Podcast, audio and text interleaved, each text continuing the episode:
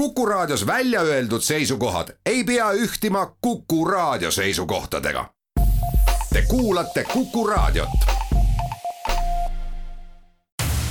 entsüklopeedia stuudios on Enn Eesmaa. tere teile kõigile.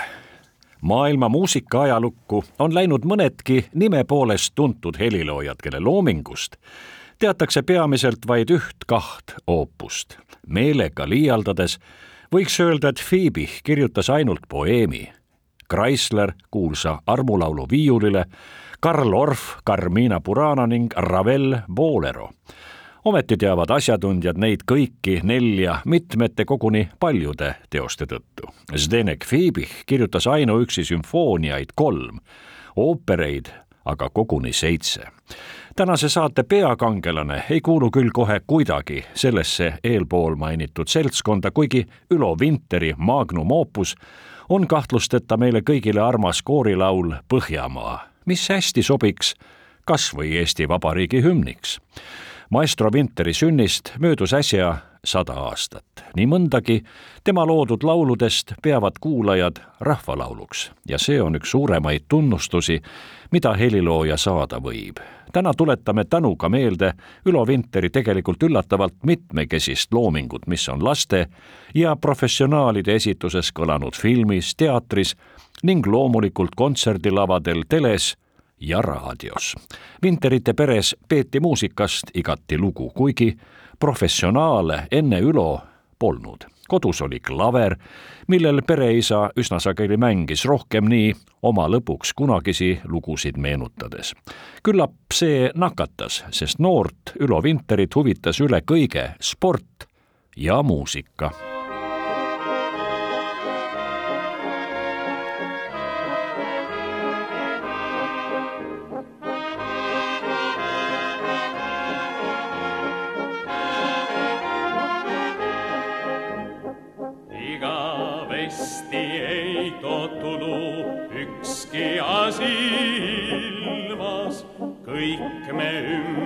varsti kulub, peast või nutta silmad, kas vana arm ka rostetab, ei ta rosteta. kas vana arm ka rostetab, ei ta rosteta. majad, autod, laevad, toolid vananevad ära ükskõik kuidas kõigest hoolid, kaotab seegi sära. kas vana arm ka rostetab, ei ta rostetab. kas vana arm ka rostetab, ei ta rostetab.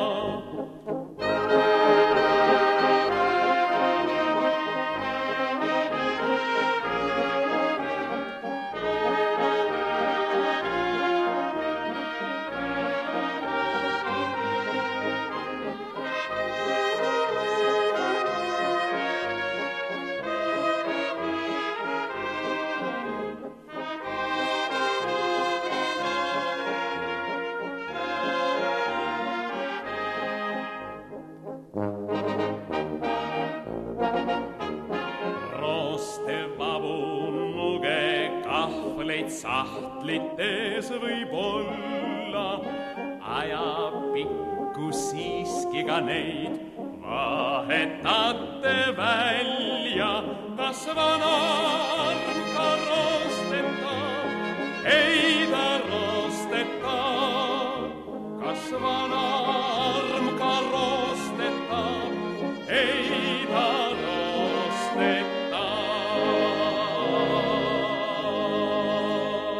selle omamoodi ajatu laulu sõnad on Ardi Liiveselt, kellega Ülo Vinter nii mõnegi oopuse koos kirjutas. kui süveneda, hakkab selgesti silma Ülo Vinteri eriline hingesuhe Lutsu Kevade Tootsiga. aga palun, kooliaastatel seisis parandamatu krutskimees Ülo sageli nurgas ning igaks juhuks kohe näiteks matemaatika tunni alguses. maestro ema on meenutanud, kui tihti tuli tal oma poja vallatuste ja tempude pärast koolis käia lubamas, et Ülo keerab juba järgmisest esmaspäevast uue lehekülje oma käitumistavades, kuid isegi Tootsid kasvavad kord suureks ning üle soo noorperemehest sai igati tubli ja toimekas talupidaja ning toekas mees oma teelele. Ülo Vinter aga jätkas ja arendas Tootsi teemasid nii oma balletis Kevade kui samanimelises muusikalis Süüdis Paunvere ning tagatipuks kirjutas veel muusika filmile Kevad südames, kuid vähe sellest. Pole üldsegi konstrueeritud see järeldus, mille kohaselt kirjutas Vinter muusikali vägagi Tootsi moodi tüdrukust Pipi Pikksukast ning nipernaadil põhineva muusikali oli Kevad, suvi, sügis, mille peategelane oleks otsekui küpsesse keskikka jõudnud Toots. Vinter oskas luua selgelt tajutavaid muusikalisi pilte, mis on üllatavalt äratuntavad ja läbinähtavad, eriti kui peateemad antud juhul siis Lutsu Kevade tegelased tuttavad on kuulake katkendit balletist Kevade, lausa kerge vaevaga saad aru, millal on muusikas kuuldavad poiste vembud koos Tammasseri raudade ja sauna akna lõhkumisega, siis tuleb äratuntav Tootsi ja vastu punniva teele tants ning Tootsiga leppimatu köster oma manitsuste, õigemini ebapedagoogiliste sajatustega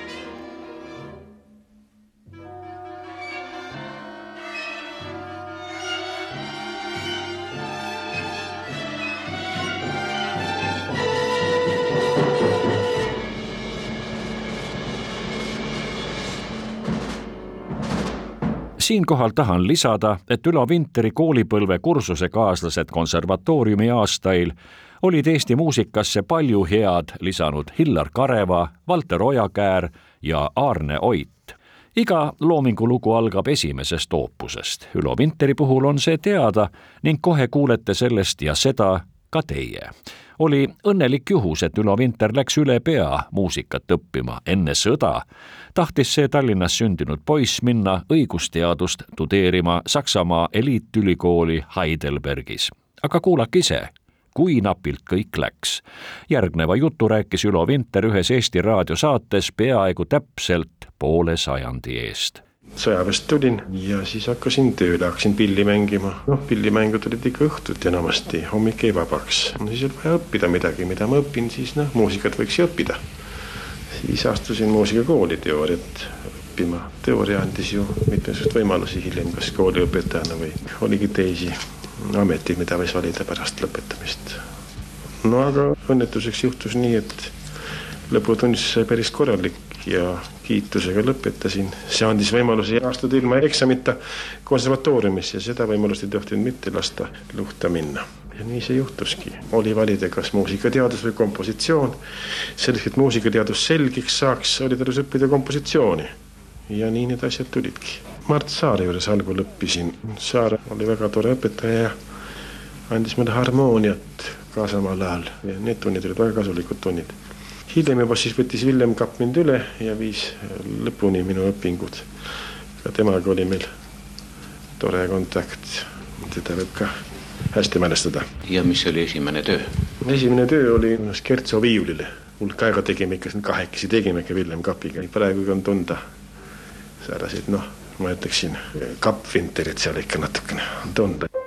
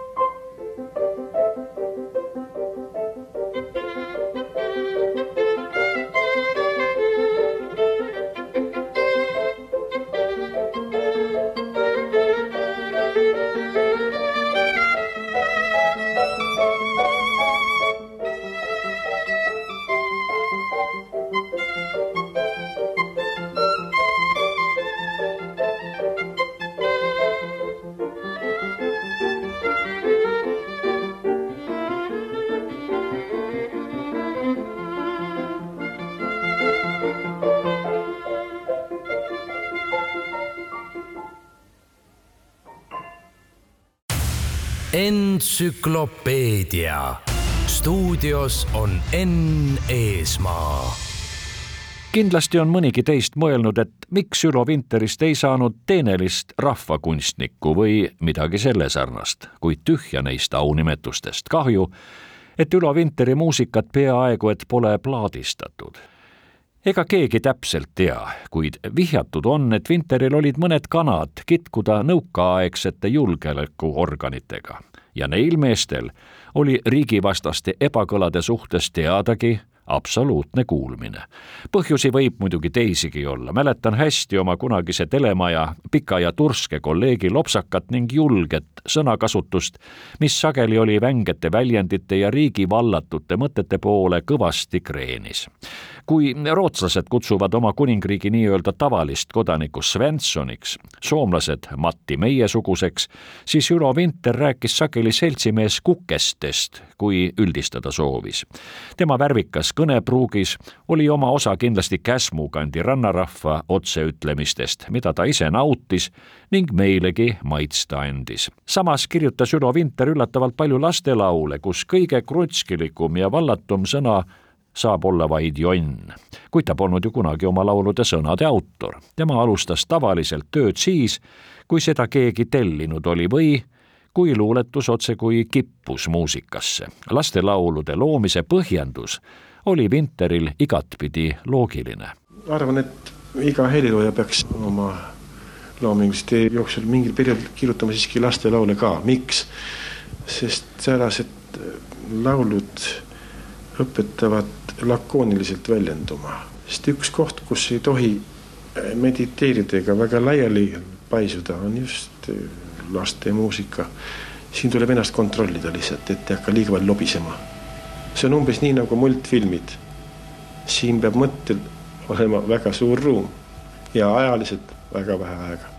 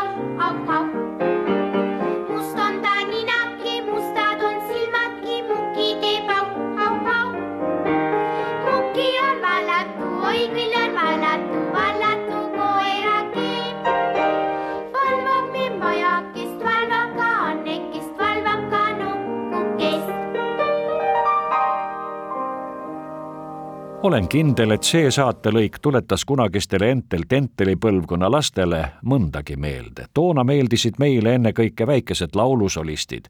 vähem mõtlesime neile, kes lastele laule kirjutasid. siinkohal tahan lisada, et Ülo Vinter on lastele üllatavalt palju muusikat loonud, ohtralt ka multifilmide tarbeks. ühest Entel Tenteli staarsolistist Jassi Zahharovist sai ajapikku me rahvusooperi kandev lavatäht. kui aastal tuhat üheksasada kuuskümmend üheksa esietendus Vinteri Sulev Nõmmiku ja Enn Metemaa muusikal Pipi Pikksukk, käis ta tõenäoliselt kindlasti seda menutükki vaatamas see muusikal püsis Estonia repertuaaris rekordilised veerandsada aastat järjest.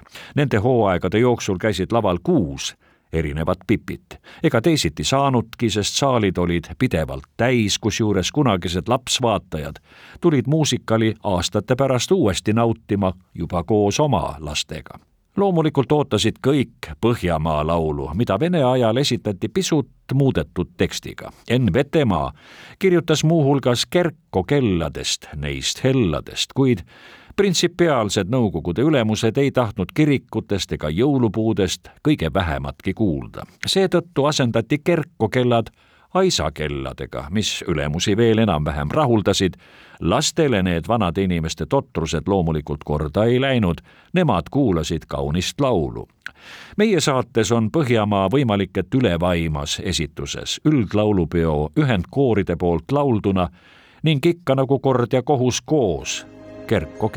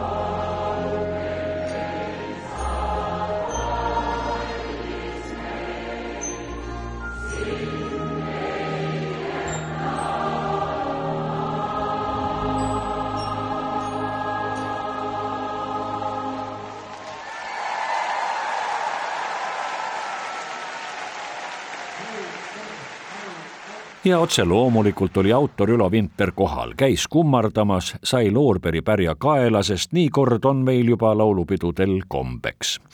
Nende repertuaari sobiks kenasti nii mõnigi Vinteri laul, mida rahvas teab ning sõna-sõnalt mäletab. Neist mõnigi kõlas esmakordselt mõnes telefilmis, mida Ülo Vinter ka muusikatoimetaja ning toimetuskolleegiumi liikmena aitas ekraanile tuua. noore Vinteri esimene suunamine viis ta pealinnast Rakverre. peagi alustas ta tööd Eesti Raadios, kus muuhulgas kujundas saateid muusikaliselt. ta ise pidas sedalaadi tööst vägagi lugu, sest ülesanded olid erinevad ning tellimise peale oli Vinter alati Mihkel kirjutama küllap nii sai alguse ka kodulaul filmist Kevad südames, mida lapsena Mati Põldre lavastatud filmis laulis tänane Riigikogu rahvasaadik, mu noor kolleeg Toomas Uibo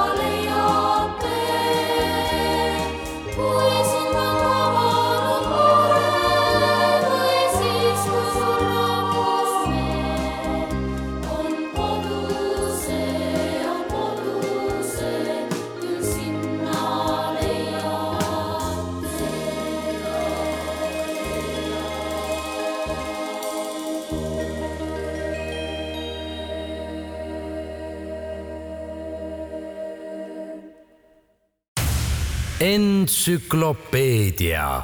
stuudios on Enn Eesmaa Käsmu kandi rahvas ning selles kaunis kohas suvitajad mäletavad looduses ennast eriti hästi tundnud Ülot Vinterit kindlasti veel kaua. ta oli kalamees, mõned aastad sõitis Vinter oma kokkupandava süstaga, ta pidas ka ratta ning mootorrattasõitudest lugu, autodest eriti asfaldil kulgemisest mitte nii väga, kuigi mitte just esimeses nooruses Volga, mida minagi mäletan, oli tal igati sõiduvalmis. Vinter on ise öelnud, et oma elu jooksul sõitis ta korralikult läbi kolm mootorratast ja niisama palju ka autosid. kui aga võimalik, siis ta eelistas üksinda metsa vahel, mere, järve või jõe ääres olla, telgi sööbida, mõnikord kalagi püüda ning omi mõtteid mõlgutada. talle sobisid kõik aastaajad, sest loodus on ju alati ilus nii suvel kui talvel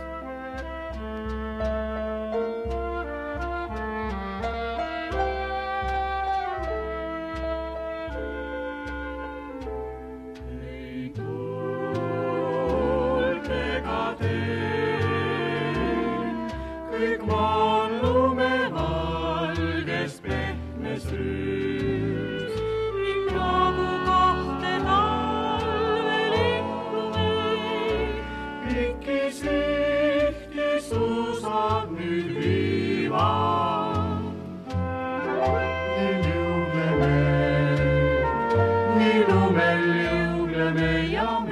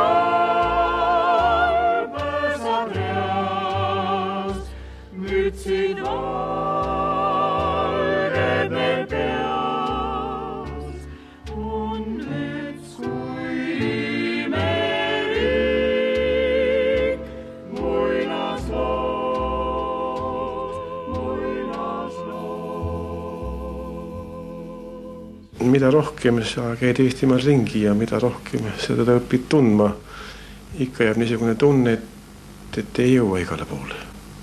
ja, ja see on tõsi, igale poole tõesti ei saa, sest Eestimaal üksi on järvi juba üle tuhande, eks ole. ja kui palju on merelahti, kui sul on merepiir, kui palju on metsi ja jõgesid, ma arvan, et ühest inimelust on vähe, et õppida tundma Eestimaad. muidugi võib ju läbi põristada kõik need kohad, teha kohe raudse graafiku alusel panna punkt kirja, nüüd käisime siin, nüüd käisime seal, homme oleme seal. aga paljuks siis see nüüd meelde jääb või palju sealt talletub, see on teine asi. selleks, et õppida kohe tundma, tuleb ikka seal natukene aega olla, elada ka päris telgis ja läbi kõndida on see vaja. niisugune kohast teise tormamine, see võib-olla ajutiselt rahuldab, aga kuskile tuleb ikka natukene kauemaks ka paigale jääda on olemas näiteks sääraseid meeliskohti, kuhu meelsasti igal aastal, kui võimalik, igal aastal pole see võimalik, tahaks tagasi minna, niisugused kindlad punktid, mis kinnistuvad maastikul ja looduses. Neid punkte on ja meil kindlasti kõigil on säärased kuigi Ülo Vinterit teatakse ennekõike heliloojana, oli ta ka osav ja hinnatud pillimees. peamiselt mängis ta kontrabassi. Vinter kuulus Uno Naissoo Swing Clubi koosseisu, mis toona oli juba iseenesest kompliment ja tunnustus. koos temaga mängisid Svingiklubis ka hiljem oma orkestri loonud Aleksander Rjabov ning noor kitarrimees Uno Loop, kes hiljem laulusolistina lindistas nii mõnegi Ülo Vinteri laheda laulu. üht neist kuulete selle saate lõpus. nüüd aga loodetavasti veenev tõestus mitmes koosseisus kaasa mänginud ning neile lugusid kirjutanud Ülo Vinteri džässilembusest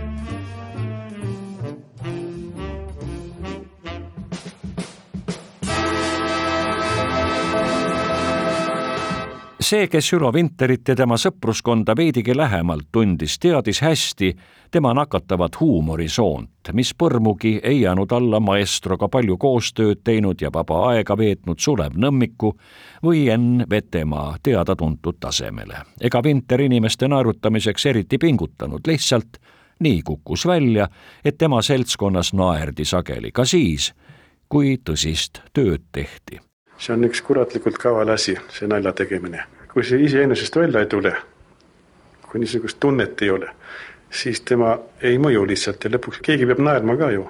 kes naerab, küsimus on selles ja mida naerab. muusikas on sama asi.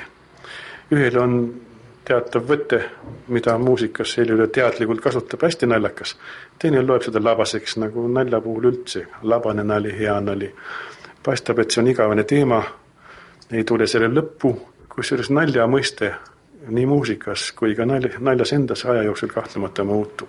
praegu on moes hoopis teised naljad ja must, must huumor, niisugused asjad ja vanade naljadega, millega siiamaani tuldi välja, enam ei esine, need on kõik ära naerdud, kõik on muusikas ära tehtud. jah, tuleb siin ka midagi muud mõelda nähtavasti, see on kõige raskem asi kui Gorbatšovi ajal püüti Nõukogude rahvaste iidsele viina viskamisele printsipiaalselt kaine lõpp teha, saadi üsna varsti aru, et see oli üsna arulage idee. aga neid ju Vene ajal aeg-ajalt ette tuli. mäletan hästi, et toona sokutati kohvikutes vandeseltslaslikult kohvitassidesse salamisi konjakit ning mekiti seda joovastavad missungit otse kui sõnakuulmatud koolipoisid. sel ajal kirjutas Ülo Vinter ühe oma vähestest pilalauludest, millest napsijanune rahvas otsemaid aru sai ning üsna häbematult muigas. aga nii see toona oli, et pidudel ja isegi juubelitel oleks režiimikartlikud nõukogude inimesed korraliku napsi asemel hea ning parema kõrvale mitte viina või samakat, vaid limonaadi või lahjat morssi pidanud jooma. no ega ikka nii väga joodud küll, kuigi tervisele oleks see kahtlemata juba järgmisel hommikul head teinud. seda omamoodi koomilist aega meenutas pealiskaudne karsklane Ülo Vinter koos oma kunagise kursusekaaslase Valter Ojakääruga ühes Eesti raadiosaates nii. sina oled ka ikka vana pillimees ja kui nüüd meenutada üldse seda pillimehe seisust, ega nii täiskarsklasi pole nende hulgas vist äh, olnud üldsegi mitte, aga millegipärast ma vaatan, sinu üks laul on Pidu jätkub morsiga. kuidas sa selle peale tulid, et morsisõber sa pole nagu minu mälus olnud? no pärast seda on hea morssi ka peale võtta, aga lugu on niimoodi, et oli niisugune aeg, kus Gorbatšov keelas viina võtmise ära et Nõukogude inimene ei tohi võtta viina. see on hea ettepanek, eriti vene rahvale, ka meile, eestlastele. kaunis lo-, lootused ainult lootusetu asi, sest olnud midagi välja. ja siis ma tegin ühe niisuguse laulukese, koorilaulu lihtsalt, et et mis noh, sellest ajendatust, et tegime ühe koorilaulu, et pidu. pidu ja marssika, need on koos ja niisugune laul ja see läks nagu paremini kaubale ma mäletan ka, me käisime Kalevi orkestriga vist kuskil Raplas või no käisime vahetevahel väljas, väga tore kollektiiv oli ja mulle hirmsasti meeldis nendega töötada. ja äh, siis tehti niimoodi, et äh, olid suured kõrged kannud, kus sees oli mingi kollane vedelik, nimepidi morss. ja, ja sinna oli nii palju viina sisse kallatud, et, et ikka, nagu öeldakse, ikka sakkis jah, ma mäletan, käis ringi ja noh, morssi joodi niivõrd palju, et kuidagi äkki on tuju inimestel hästi rõõmus, mis pagana morss see on. pärast maitsesin ka, oli ikka, oli ikka tema ise. no kena, kuulame siis seda, kuidas see pidu selle morsiga jätkus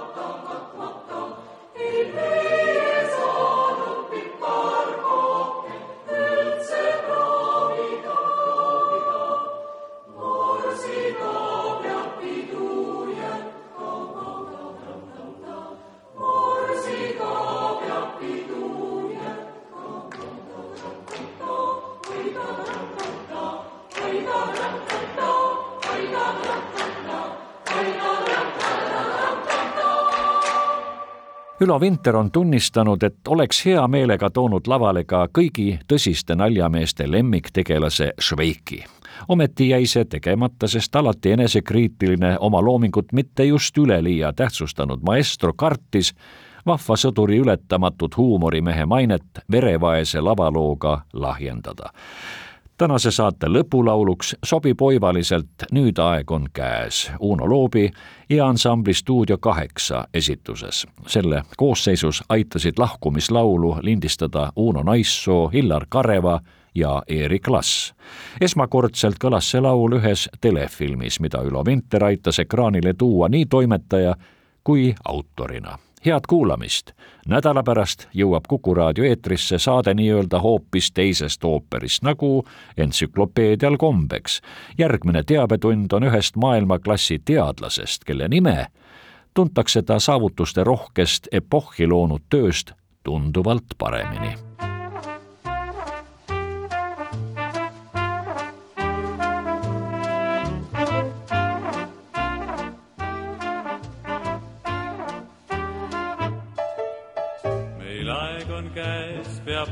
lahkuma, viib saatus lahku meid. kas klaasidesse jahtuma peab jääma viimne veid?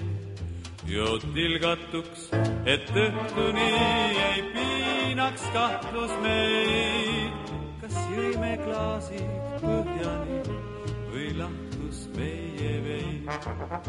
sind solvata ei tahtnud, ei tahtnud kallis, ei. Meil aeg on käes, peab lahkuma, joo põhjani see vein. meil aeg on käes, peab lahkuma, viib saatus lahku meid. kas jõime klaasid põhjani või lahtus meie vein?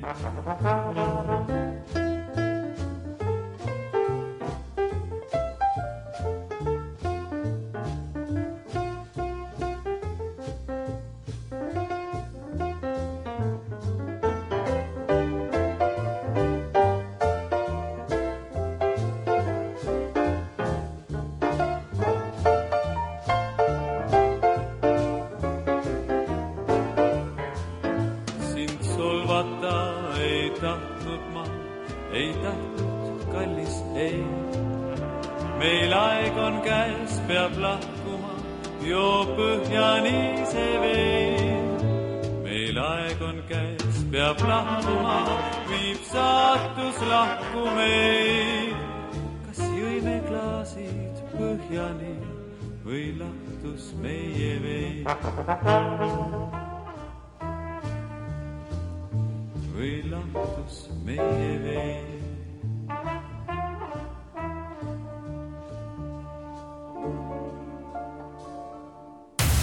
entsüklopeedia. stuudios on Enn Eesmaa